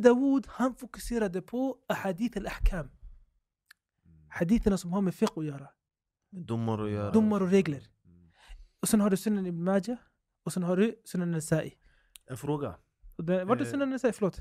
Har vi inte den också? Det känns som det, samlingen är... Det kändes som... Ja, Inkomplett. där, där, det där, där är den. Jag kände på mig, det är någonting här. Som saknas visst? Ja, här är det. Sunan jag, ni har täckt över mig med alla Den- blickar. den här i alla fall. Allt är khir.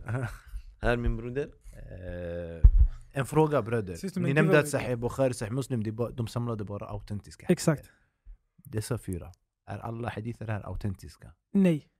Och varför nu? Man, varför varför, varför Ja. lura muslimerna? Varför Ja. inte lägga in hadither? Ett, vi har sagt många gånger också att ibland det finns olika målgrupper. Mm.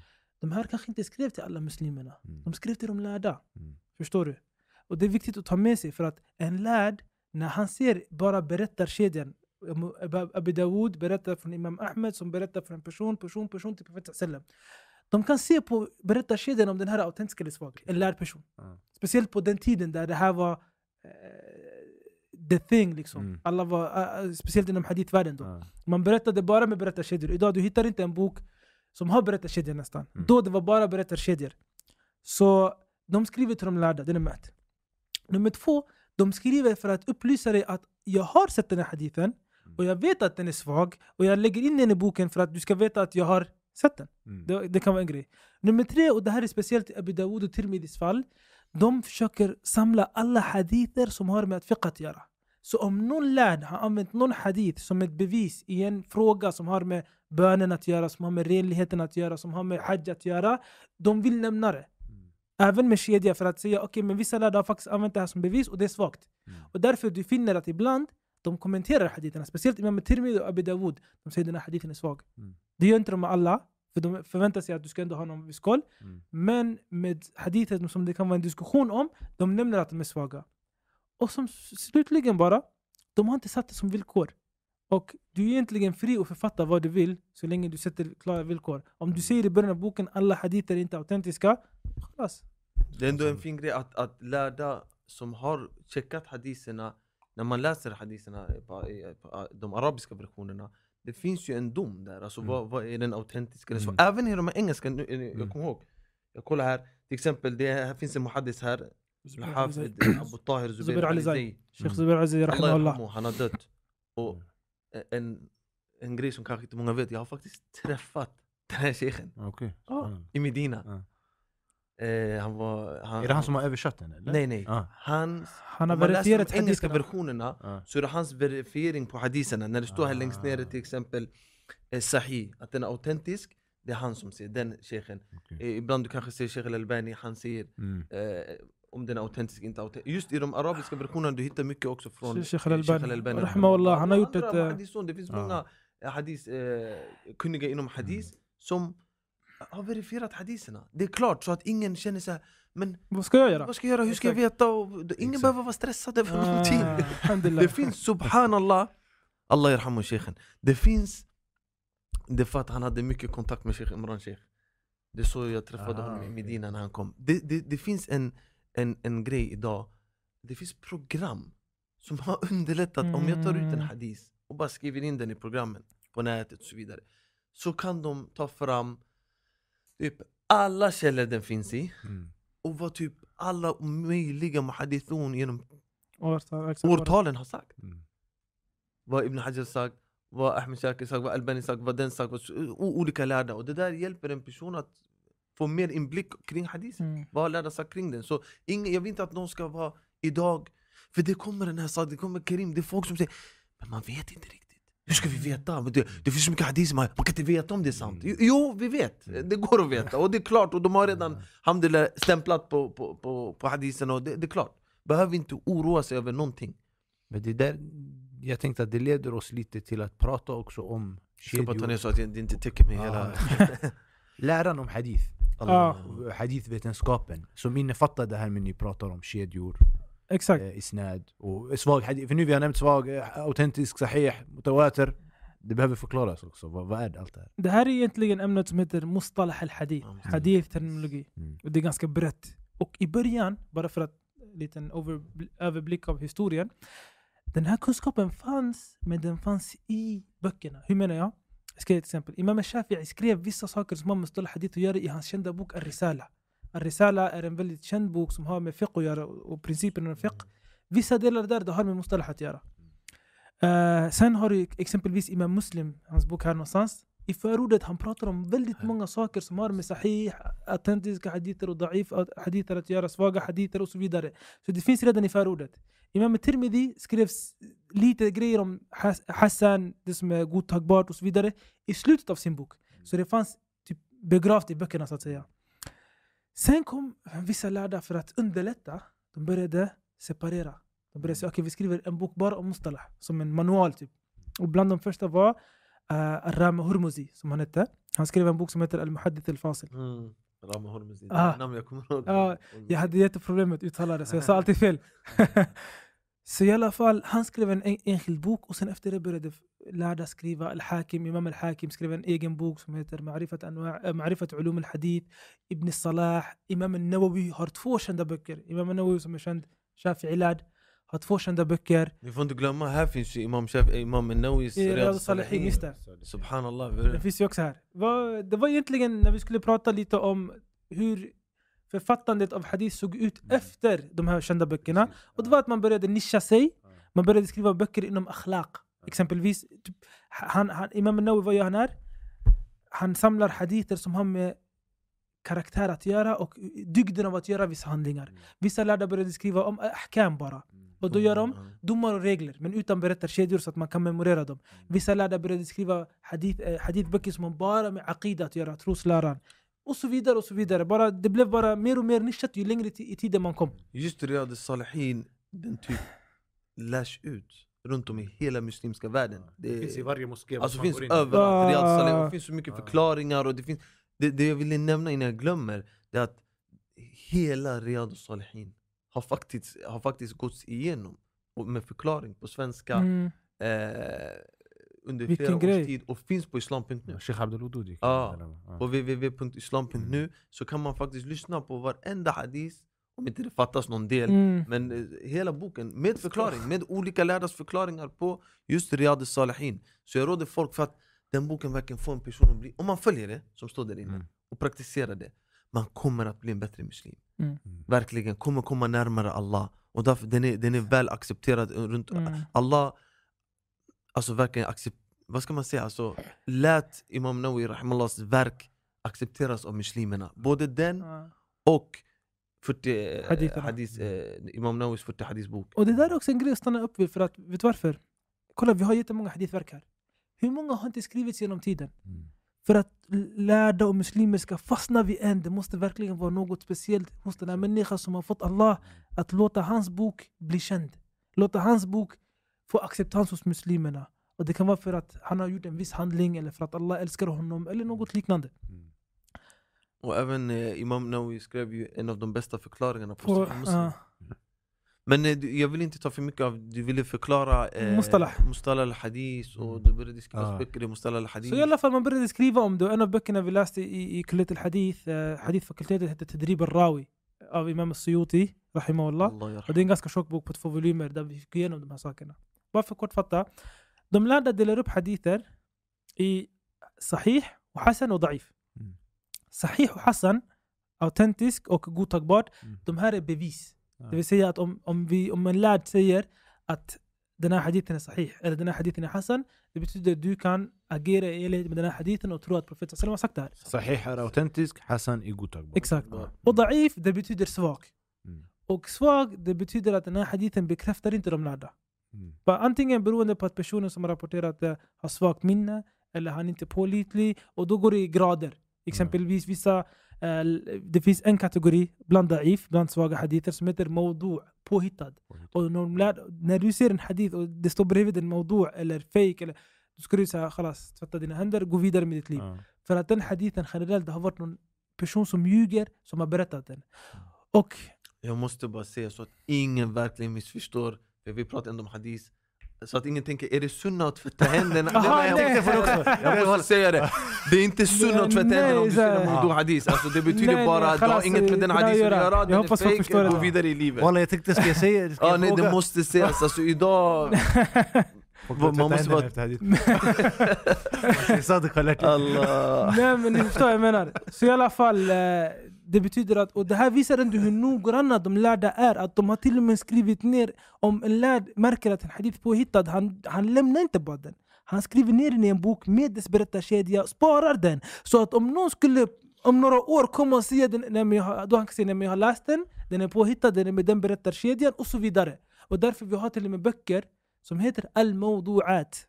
De påhittade haditherna. Jag har en, jag tror det finns en samling på fyra verk som är ganska känd av Imam Ibn al-Jawzi. Subhanallah. Bara påhittat. Bara påhittade. Han säger den här hadithen är påhittad. Den här hadithen är påhittad. Så att muslimer verkligen lär sig vad som är autentiskt och inte Mm. autentiskt. Och det går ju tillbaka till det Sheikh Musa sa att de har verkligen kämpat för att vi ska kunna ha vår religion så autentisk som möjligt. Mm. Och att om någon någon gång skulle komma med en påhittad hadith, det finns redan. Vi kan gå tillbaka till de här böckerna och säga att den är påhittad, vi tror inte på den. För att våra lärda har gjort jobbet åt oss och vi har eh, böckerna framför oss idag.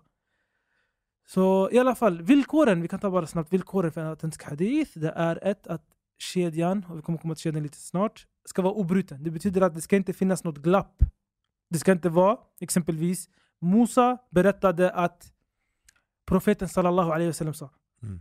Det finns ett glapp på hur många generationer som helst Exakt. mellan Musa och profeten sallam. Så det finns ett glapp här i berättarkedjan. Så det måste vara någon Musa har träffat och pratat med och verkligen lyssnat på och tagit hadithen från. Eh, sen ska den personen som berättar vara pålitlig. Mm. Pålitlig hur? Det ska inte vara en lögnare exempelvis. Mm. Det ska inte vara en person som syndar. Eh, och alla begår synder, det är inte det jag tänkte prata Ja. om. Men öppet syndar, inte bryr sig om religionen. Du vet, eh, gör vissa saker som man inte ska göra. Mm. Eh, Det heter adala, att personen är pålitlig. Sen har vi eh, att han ska ha stark minne. Och det här är särskilt för eh, eh, sahih. Han ska ha starkt minne. Eller han ska ha en stark bok som det heter. Mm. Och de lärda kallar det dhabt al-sadr och dhabt al-kitaba. Dhabt al-sadr, det är att du ska ha minne eh, och du ska ha memorerat. Du ska ha stark mem- memoreringsförmåga. Det vill säga om jag säger till dig någonting, då ska du kunna memorera det på så pass att om några år, om du frågas om det, du ska kunna återberätta det jag har sagt Mm. på samma sätt jag har sagt det. Inte lägga någonting före, efter, ändra om. Dhabt al-kitaba, det är att du sitter här med penna och papper och skriver ner. Och du håller koll på din bok så att ingen kan komma och du vet, så här, att stryka bort något eller lägga till någonting. Så du har koll på det. Tills det att du ska berätta vidare från den här boken. Du behöver inte ha memorerat det, men du kan säga ah, faktiskt här Sadiq sa att det här, det här, det här, det här. Eh, hur många villkor var det? Tre va? Vi har två viktiga villkor och det här är adam al Det här är viktigt. Och de här har med själva innehållet att göra. Det innan det har varit lite med vad? Personen som berättar, eller hur? Nu har det med innehållet att göra. Och det är att adam al det ska inte vara avvikande. Du har 40 andra personer som har sagt en grej och du säger något annat. Mm. Förstår du? Det här, det här de lärda kallar shad. De kallar hadith shad. Varför? För det går emot det alla andra har berättat. Låt oss säga exempelvis. Och eh, egentligen, vi kan ta det faktiskt ganska kort. En majlis hadith kan se ut på ett sätt att läraren talar och du har flera lyssnare. Imam Ahmeds majlis som det nämns hade hur många? Hans sittning. Hans sittning, exakt. Hans Mm. majlis, hans sittning. Har ungefär 5000 elever. Mm. Okej? Så det är ganska stora eh, antal vi pratar om. Det betyder att om, låt oss säga ni är 50, bara för att dra ner det lite. Ni är 50 och 40 säger, 49 säger att Imam Ahmed eller Imam den eller den imamen sa så här om den här hadithen. Och du kommer med något annat. Även om du är pålitlig, även om du, du, du har starkt minne, vi kommer inte lyssna på dig. Varför? För att du går emot vad alla andra säger. Mm. Och det här betyder att misstaget måste ha kommit från dig, inte från dem. Och sen har du al-illa, defekt. Det här, Det är det svåraste. det här är det, svå- det här verkligen giganterna dyker upp. Det här är Imam Ahmeds fält. Det här är eh, Imam al-Bukharis fält. Det här är Imam al-Daraqutnis Daraqutnis fält. Imam al-Daraqutni som är en av de senare hufad, senare hadithvetarna, men en av de mest kända. Och han, det sägs att han har en bok inom ilal, det här ämnet, att defekta hadither, som de säger han lärde ut från minnet. Han, han, det, det är en bok på flera volymer, alltså. jag har den hemma, den är, den är ganska stor. Med berättarkedjor, den här personen, den här personen. Hela boken är så. Och de nämner att han hade inte papper eller penna när han eh, vet det, dikterade den här boken. Så i alla fall, det här är väldigt djupt fält och den här, det här fältet vi lämnar över, inte till, inte till alla lärda, till vissa lärda. De kallas uh, ulama al-ilal. Förstår du? De lärda inom ilal. Det, det här är inte vem som helst fält. Och därför de brukar likna det som att säga att, du vet när du har diamanter och du vill kolla om det är äkta. Du tar det till en person, eh, en juvelerare heter det. Mm. Så han kollar och han säger nej den här är falsk. Mm. Du tänker i huvudet, hur kan den vara falsk? Han säger lyssna jag vet vad jag gör, den är falsk. Samma sak här. Mm. Han säger jag vet vad jag gör, den här är falsk. Den här är påhittad hadith, den här är svag hadith. Och Ibn al-Qayyim förklarar det ännu mer. Han säger det är inte konstigt när en person har levt med haditherna så länge att det har blandats med hans blod och kött. Tills att han, vet du, verkligen, han, han genomsyras av hadith. Han identifierar. Han identifierar och han vet det här är omöjligt profet sallam har sagt. Och det har verkligen genomsyrat hela hans kropp. Men vad kan, vad, förlåt, vad kan en defekt vara? En defekt kan vara ibland, ja. eh, det finns ett ganska känt exempel om en Mm. defekt. Det är att en person en gång i en sittning av hadith, han reciterar hadith. Eh, så han säger, berättar kedjan. Han är klar. Och då kommer en person han tycker om in i huset. När de har Det. hadith-sittningen. Så han ser att hans ansikte lyser. Och han säger att den som ber på natten, hans ansikte lyser. Nu det finns en berättarkedja. Mm. Och han har sagt någonting som inte, inte är hadithen, han kommenterar bara personen som kommer in. Ja. Vad gör personerna där? De kanske lägger ihop det. Ja. Det kommer någon ulama eller ilal, de här lärda, de förklarar att nej, vet du vad, det här stämmer inte. Han såg att den här personen har Mm. kommit in Ja. vet, och de hittar felet. Okej. Förstår du? Och ibland, de kan, eftersom de känner, och det, det är som Ibn Qayyim säger att de känner profeten sallallahu alaihi wasallam så bra via hans haditer att de vet vad som profeten sallallahu alaihi wasallam- Ja. alltså vad, vad kommer från. Och det är sant för att som vi sa innan, وَمَا ينطق عن الهوى. Han talar inte från eget bevåg. Det har ett profetiska uttalande har ett visst ljus Mm. som inte vem som helst kan vet, claima så att säga. Är, är det, en- eller var det inte så att vissa till exempel som var kända för starkt minne återberättar hadith och sen återberättar en hadith till exempel i slutet av sitt liv man tog inte den för att han hade fått svagt minne då. För Det är också en, eh, ålder, jo exakt, det, det är också en grej. Det är, också Är det en ibland. defekt då? Eller Nej, defekt det är mycket Ja. mer otydligt det är än så? så. Okej. Mm. Det är, det, hitta. det är svårare att hitta. Ja. Och därför det är bara vissa som kan göra det. Och eh, som jag var inne på, som Ibn Qayyim säger att de, de har verkligen lärt känna profeten. Så ibland, vissa lärda, de vet att en hadith har en illa. Mm. Men de kan inte, de, de, inte, inte, de kan inte sätta fingret på det. Så det går några år, några år. De hittar felet. De säger ah, för de har lyssnat på någon ny Mm. berättarkedja. Någon, de, där är felet. Subhanallah. De får mer kunskap, de kan sätta fingret på det. Men efter flera år kan gå och de hittar inte felet. De säger den här, nej, mm, det sitter något i hjärtat. Sen det går några år, någon kommer med en ny bok, någon ny berättarkedja eller någonting. De säger där är felet, nu hittar jag det. Ah. Är du med? Så i alla fall, det där var lite om illa och det här är, de, eh, det här är de fem villkoren för en autentisk hadith.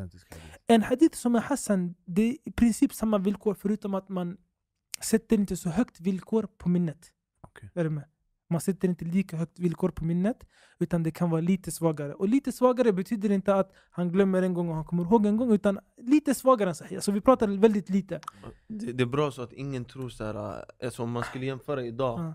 det där lite svagare minnet idag skulle kanske vara det här, "Ey, han är superminne den här killen, förstår Ja, du? exakt. Han, han är värsta, du vet, Förstår du? han är geni Och de studerar verkligen dina hadither. Alltså på den tiden, en imam kanske har, låt oss säga, eh, ett antal, x antal hadither, 400 hadither, 300 hadither. Så de kollar, varje gång han nämner en hadith, eh, de andra berättar på ett annat sätt. Ey, vänta, han berättade olika. Mm. Varningsflagga. Kolla resten av hans hadither. De kollar. Jämför med andra imamers hadither. Han säger fel ofta den här killen. Okej, vet du vad? Den här killens minne är inte så starkt. Vi, vi lägger honom åt sidan. Och vi förklarar för människor att den här personens minne är inte så starkt. Det kommer nästa. Den här varje gång han sätter en 10 av 10. Alla hans hadither överensstämmer med de andra. Varje gång han berättar en hadith på samma sätt. Du vet, han, sätter alla, han tickar alla boxar. Ah, den här har superminne. Det här var ett sätt att verkligen förstå minnen och hur, folk berättar. Ett annat sätt var att de träffade honom. Och det här är det som kallas imtihan. Att de testade lärare.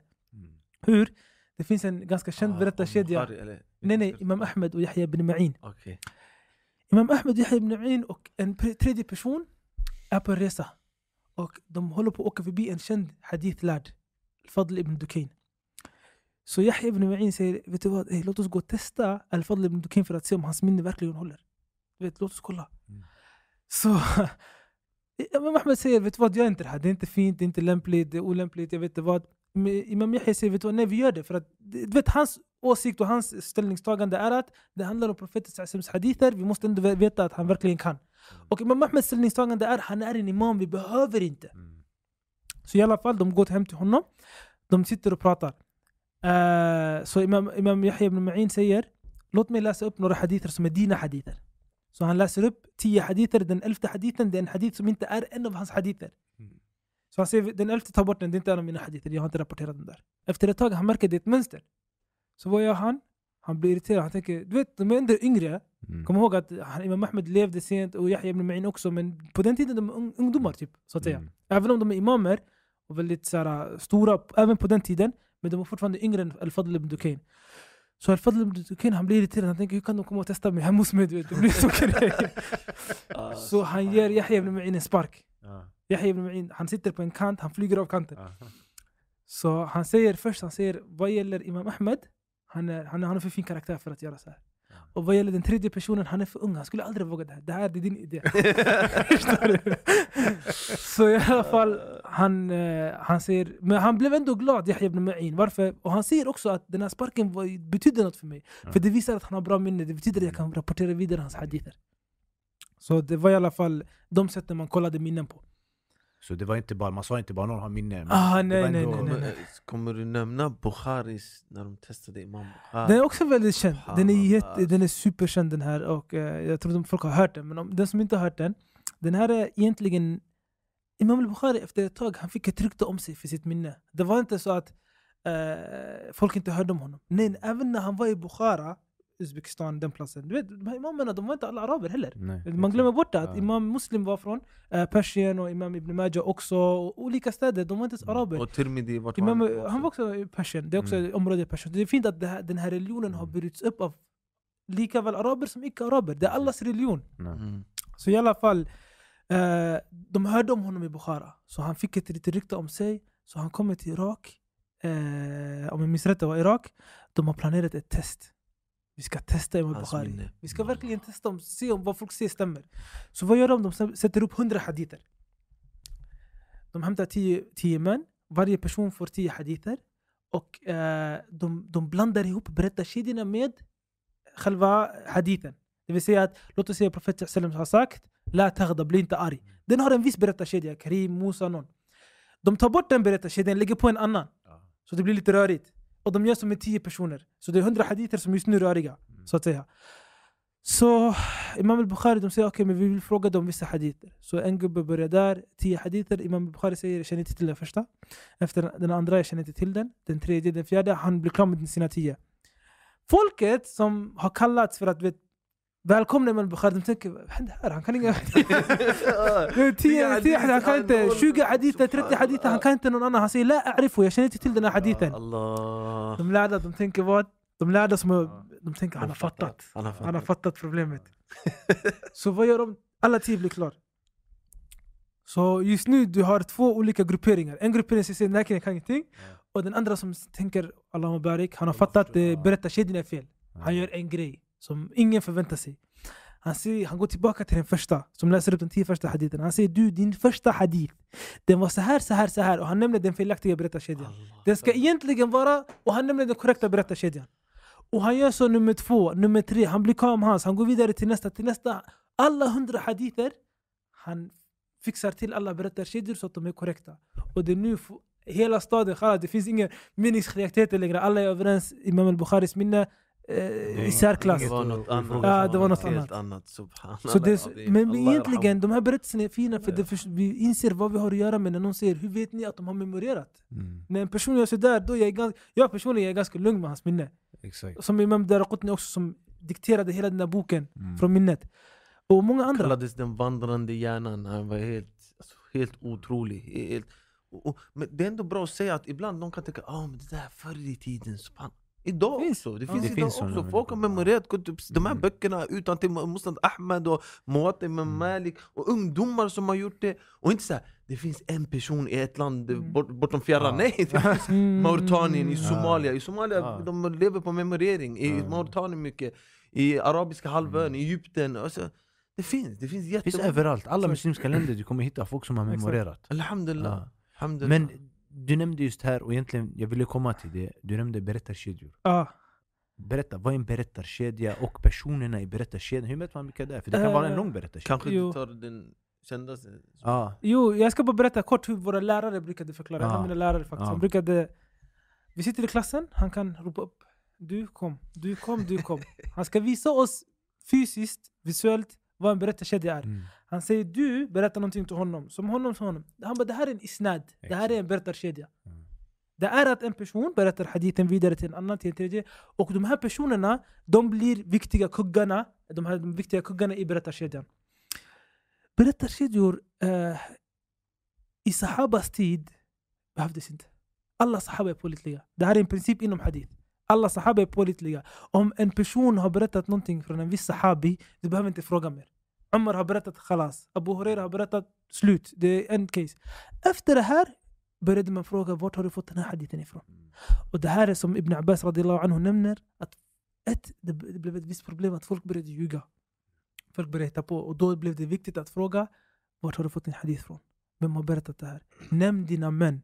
Och därför, آه، صمد نمسي مقدمة آه، مسلم أت محمد بن سيرين رحمه الله. سمعنا أنا أبو هريرة رضي الله عنه سيليفر. هسير الإسناد من الدين.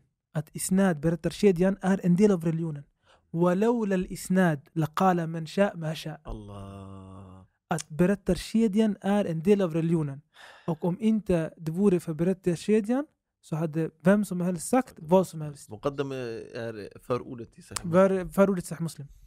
Men Sheikh Sadiq, var det inte Abdullah ibn Mubarak som sa det? Jo, jo, faktiskt sant. Abdullah bin Barak. Han sa لولا الإسناد, äh, لولا الإسناد لقال من شاء ما شاء. Mm. Så i alla fall berättarkedjan, det jag vill komma fram till, det är jätteviktigt för religionen. Kan du ge ett exempel hur en kort berättarkedja från... Vi kan Från ta, Som den som är i vi kan ta den här. känd- Egentligen, ja, de lärde har pratat ja. om den, de mest autentiska kedjorna. Mm. Och det är en, egentligen en subjektiv fråga. Eh, en lärd säger att, oh, Ingen fara. en, en lärd säger att en, det här är mest autentiska och den andra säger det här är mest autentiska. Men en av dem som har sagt är Imam Maliks kedja si- till Ibn Umar. Och det är att Malik berättar en hadith från Nafi' som berättar en hadith från Ibn Umar som berättar en hadith från profeten sallallahu alaihi. Det ena eller det andra. Mm. I alla fall, det är så här en berättarkedja kan se ut. Ehm, du har Malik som är imamen, och du har Nafi som hans eh, lärare. Och Nafi är en av de närmaste människorna till Abdullah ibn Umar, som är son till Umar ibn Khattab radiyallahu anhu, som är en av följeslagarna självklart. Så att eh, du har Malik, Nafi ibn Umar. Och den här kedjan, generellt, det, kallas också guldkedjan. Mm. Al- Al-Silsila al-Dhahabiyya. Mm. För att du har tre, alltså du har sahabin självklart, och sen har du två imamer som berättar vidare från den här sahabin. Och det är nära till Det profeten är nära till profeten. Sen självklart kedjorna har blivit längre, jag tror en av de längsta kedjorna som kanske finns i Sahih Muslim, jag minns den är ungefär nio personer mellan honom och profeten. Och du kan ha så korta som tre, som Imam al-Bukhari Mm. har. Och det här blev han känd för, det kallas Thulathiyat al-Bukhari. Det är tre Mm. personer mellan honom och profeten sallallahu alaihi wasallam. Men eh, det, den här kunskapen om, som kallas al-Rijal, Ja. Det skrevs böcker, eller hur? Vilka personerna i Exakt. kedjorna var. I början var det ju att man frågade vem är det här? Ja. Sen man började skriva ner, okej, det börjar bli mer och mer personer. I början är det typ en, två, två personer, en person mellan dig och profeten två personer mellan dig och profeten. Det är ganska kort. Mm. Nu det börjar bli mer, som jag sa innan, vi har exempel på det när det är nio personer. Mm. Och då började man skriva ner. Och en av de tidigaste verken skrevs faktiskt av uh, Al-Layth ibn Sa'd. Och Al-Layth ibn Sa'd brukar beskrivas som Imam Maliks qarin. Han brukar beskrivas som Imam Maliks qarin, Imam Maliks jämlike. Och han var Egypten. Och egentligen, det nämns faktiskt också som en side-note, som en sidofråga. Han hade sin egna rättsskola. Men den skrevs inte ner lika Okej. väl som Imam Maliks Den rättsskola. bevarades inte. Den bevarades inte. Men han skrev en bok som heter At-Tarikh. At-Tarikh, där han be beskriver personer som berättar hadither och han beskriver om deras, yani, typ vem det är, lite information. Nu börjar, sen efter det började vet du, skrivandet inom sådana böcker ta fart. Och det är det som kallas ilm al-jarhi wa ta'dil. Att eh, kunskapen om kritik och beröm. Där man skriver vissa personer, deras namn och om man kan ta hadith från dem eller inte. Men Och då- även idag när, vi, alltså när man går igenom, i alla fall i Medina, när man studerade i profeten sallallahu alaihi wasallams moské du studerade under Sheikh Abdel Muhsin Ah. och många andra av oss från Exakt. Sverige studerade där och då, det finns en läsare, han läser från, låt oss säga Sunan Abi ja, Dawud exempelvis Han läser hela kedjan och då imamen som sitter där säger om varje person i kedjan vem det är Okej. Ja. Förstår du? Det är, så, det är inte som idag, Ey, det finns en hadith, Allahu alam, Allahu alam på, Nej, jag vet nej, inte riktigt, jag kommer inte ihåg riktigt det, Ingen pratar sådär, så Mm. det, det, är på, det är allvar och det är på riktigt och det är, man vet vad man pratar om och man vet vilka man pratar om i kedjan och det är en helt Och de annan här nivå böckerna är också väldigt detaljerade. Alltså. De, Ja. Ni nämner exempelvis, eh, låt oss säga eh, en imam. De nämner okay, han, eller en, en person som rapporterar hadith, behöver inte vara en imam. Mm. Vad, vad han heter, vad hans efternamn, hur många efternamn man kan få tag på, det är ganska långt ibland. Vart, vilken stad han kommer ifrån, vart han bor, vilken tabaka. Det här är ganska Mm. viktigt, vilken generation han tillhör. Så att du kan hitta han i kedjorna du vet okej, men han kommer lite för tidigt här, han kommer för sent här i kedjan. Du vet vilken generation han tillhör. Eh, det nämns om han är eh, svag i minnet, varför han är svag i minnet. Det nämns om att, exempelvis som du var inne innan på, det som kallas ikhtilat, om han har glömt. Mm. För vissa människor som syndar, när de blir äldre de glömmer vissa saker. Mm. Så hadithvetarna skriver ner det här. Okej, Precis. faktiskt, det här året, han började tappa minnet. Mm. Och då man, man vet det där och man tar med sig det. Så när man studerar hadith, man börjar kolla, okej var det här efter eller innan Mm. han tappade minnet? Man är så Det är ett stort noggrann. ämne, alltså. Det är Så noggrann. och stort ämne Men jag måste fråga också, för att vi nämnde att det kallas för ilm. Rijal, ja. Kan kvinnor, finns det kvinnor som återberättar hadith? Jo, det är klart det finns kvinnor. Du har ju alltså, du har Aisha radiallahu anha, faktiskt. Och du har andra kvinnor också. Ja. eh, hennes elever, Amra bint Abdurrahman. Du har andra kvinnor genom tiderna och faktiskt en av de mest kända berättarkedjorna vi har till Sahel Bukhari. För efter ett tag, böckerna fick egna berättarkedjor. Mm. Böckerna, eh, de fick det som kallas en berättarkedja, det vill säga en ijaza. En, ett godkännande som hela vägen till Imam al-Bukhari. Så Imam al-Bukhari exempelvis, han berättade till sina elever, de säger vi hörde Imam al-Bukhari. Mm. De sparade. De, de berättade vidare till sina elever. Och den eleven säger jag hörde min lärare berätta för Imam Bukhari. Så plötsligt vi har en berättarkedja som börjar på den andra sidan. Och en av de starkaste berättarkedjorna var till Imam al-Bukhari. Det är via en, en kvinna som heter Karima. Riwayat Karima kallas den. Allah Så, och det är den Ibn Hajar som vi pratade innan om Fath al-Bari som förklarade Sahih al-Bukhari. Det är den han går tillbaka till ganska mycket. Subhanallah bröder, det finns otroligt mycket att prata om. Du ser, det tar inte slut Hadithböckerna är här, det vi, och vi har bara gått ganska liksom, grundligt. Exakt. Och det finns mycket att prata om, men avsnittet blir långt. och eh, jag tror vi får runda av här. Och inshallah om Allah underlättar för oss att man kanske kan ha avsnitt där man går igenom typ bara de här böckerna Mm. För det finns ju Mm. folk som talar illa emot böckerna, emot Exakt. Bukhari och försöker sätta tvivel i du vet, autentiska.